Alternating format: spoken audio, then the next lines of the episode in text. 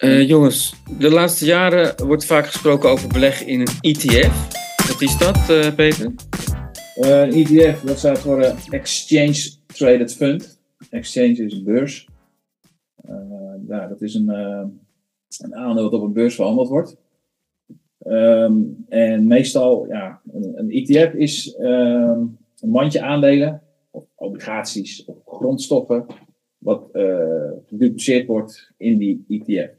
Makkelijkste voorbeeld, eh, laten we de AEX-index nemen. Ehm, die is, de AEX-index is volgens een bepaalde formule samengesteld, eh, bepaalde verhoudingen. Nou, die kan jij, eh, als je dat zou willen, zelf ook kopen. Hm. Ja, dan, moet je, dan koop je zoveel aandelen Shell en zoveel aandelen Ahold en. En allemaal in de juiste verhouding. Hè? Dus je koopt 12 Axo's en 3 ING's of andersom.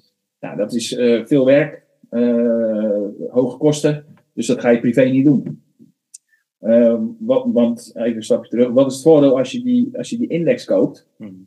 Dan weet je ook dat, je, eh, dat jouw rendement altijd gelijk is aan die van de index. Hmm. Plus dat je alle dividenden krijgt. Ja, er zijn dus eh, vermogensbeheerders, eh, BlackRock bijvoorbeeld, maar ook Vanguard, zijn hele grote. Die, die eh, maken de index na en bieden hem aan in één aandeel. Eh, en als je het ene aandeel koopt, dan koop je dus eigenlijk die index. Eh, maar ja, er- zijn in de wereld duizenden eh, ETF's. Je kan ook eh, ja, grondstof-ETF kopen. Dat je, dan leg je in koper en, en goud. En nou, ga zo maar door. Mhm. Een je kan ETF kopen op de S&P of de Chinese beurs. Hm. Alles wat je maar wil is, is beschikbaar. En eh, ja, wat ik, wat ik beleg toevallig zelf ook in ETF. Wat ik er heel mooi aan vind.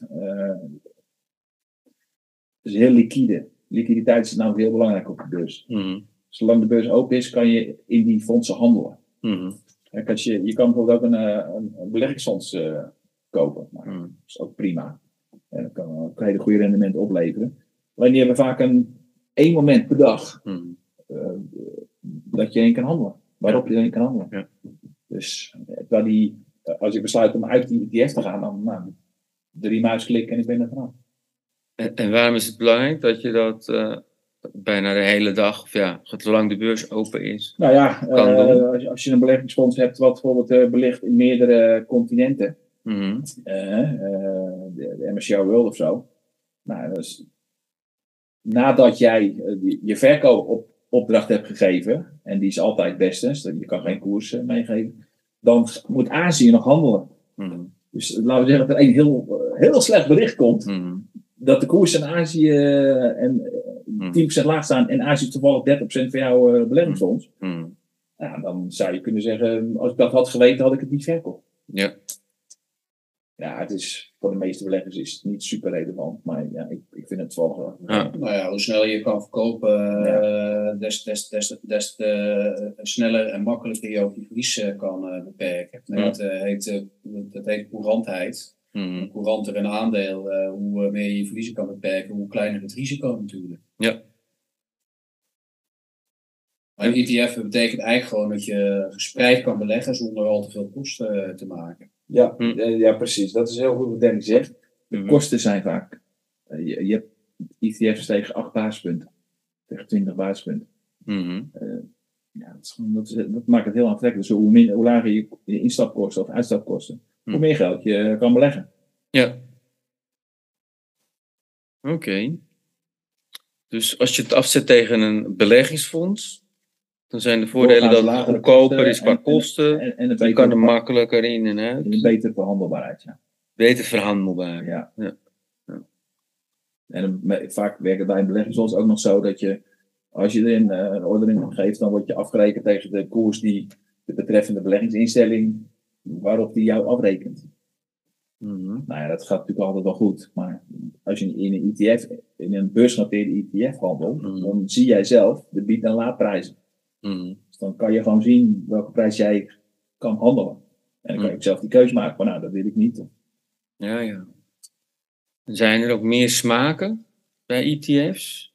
Dat je meer zelf kan zeggen van, oh, ik wil eh, een mandje met China Ja. dingen en ik wil een mandje... Alles, Ja? er zijn echt zoveel ETF's tegenwoordig. Ja. Overal waar jij in beleggen.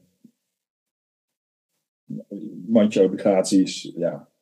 Europese obligaties, Europese credits, eh, US eh, Hm. government debt, alles. Hm. Alles is beschikbaar. Ah, ja. Maakt het ook wel weer ingewikkelder, hoor, want de producten worden ook steeds eh, ingewikkelder. Maar je Ja. ziet het ook terug als je bij een internetbroker belegt, dat je, Mm. Dat je eerst weer een vragenlijst moet beantwoorden of je wel voldoende kennis van zaken hebt, anders mag je helemaal niet handelen in dat soort eh, ETF's. Ah, ja. Maar het makkelijkste is natuurlijk gewoon om een ETF aan te schaffen die gewoon een bepaalde eh, index eh, gewoon helemaal Ja. eh, zoals de AIX Ja. of de S&P 500 in eh, de Verenigde Staten of de Nasdaq. Hm. Dat is natuurlijk het makkelijkste en dat is ook voor iedereen het makkelijkste te begrijpen. En het is natuurlijk, ja, wat ik net al zei, eh, je, je rendement is, is het rendement van de onderliggende Mhm. eh, basket of de onderliggende index. Hm. Je doet het nooit beter en je doet het nooit slechter. Hm. Eh, je- Ja. Je kan ook beleggen in een fonds eh, wat eh, actief gemanaged fund, Hm. wat eh, de, de S&P 500 als benchmark heeft. Nou, dan zou je het ene jaar wat beter doen, eh, dan weer twee jaar wat slechter. Ja, dan gaat die fundmentje echt eh, keuzes maken van, eh, oké, ik wil dit aandeel neem ik wel op, of maar voor de helft. Ja, om dat, om van die, eh, daar vanaf te zijn, in die, in die ETF heb je dat niet. Dus je zit ook meer zelf aan de knoppen. Nou, Dus je hebt meer nou op wat je- eh, het is tegen lagere kosten en, je- Hm. en je bent eh, verzekerd van het rendement van de onderliggende. Ja. Ja, Dat je kan, je kan één aandeel in een bepaalde sector eh, kiezen, maar als toevallig eh, dat aandeel eh, een grote klap krijgt terwijl de concurrenten het wel goed doen, Hm. dan heb je natuurlijk meteen een probleem in je portefeuille. En bij zo'n ETF eh, wordt er vaak gekozen om meerdere bedrijven in een bepaalde sector te kopen, Ja. waardoor het risico ook gewoon kleiner wordt als een van de bedrijven het gewoon slechter doet. Dus Ja. het beperkt gewoon heel erg je risico tegen relatief lage kosten. Ja, voor veel eh, beleggers is het natuurlijk een ideaal product. En vooral die lage kosten. Dat werkt echt door in je performance.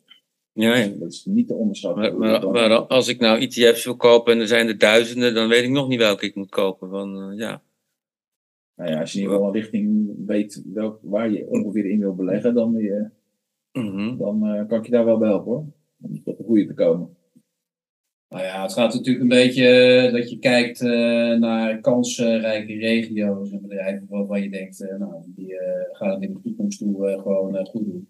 Maar Mhm. ook dat is een beetje afhankelijk van het momentum. Kan je misschien veel geld verdienen door te beleggen in bedrijven die nog olie op de markt brengen, noem maar wat. Ja. Maar dat kan over een half jaar natuurlijk wel heel anders zijn. Ja. Maar goed, ja, weet je, kijk, als je, als je in een index belegt en zegt van ja, ik heb alle vertrouwen in eh, de AIX. Nou ja, dan eh, zeg je eigenlijk van ja, de komende tien jaar volg ik gewoon de Nederlandse AIX en dan eh, maak ik hetzelfde rendement. Hm.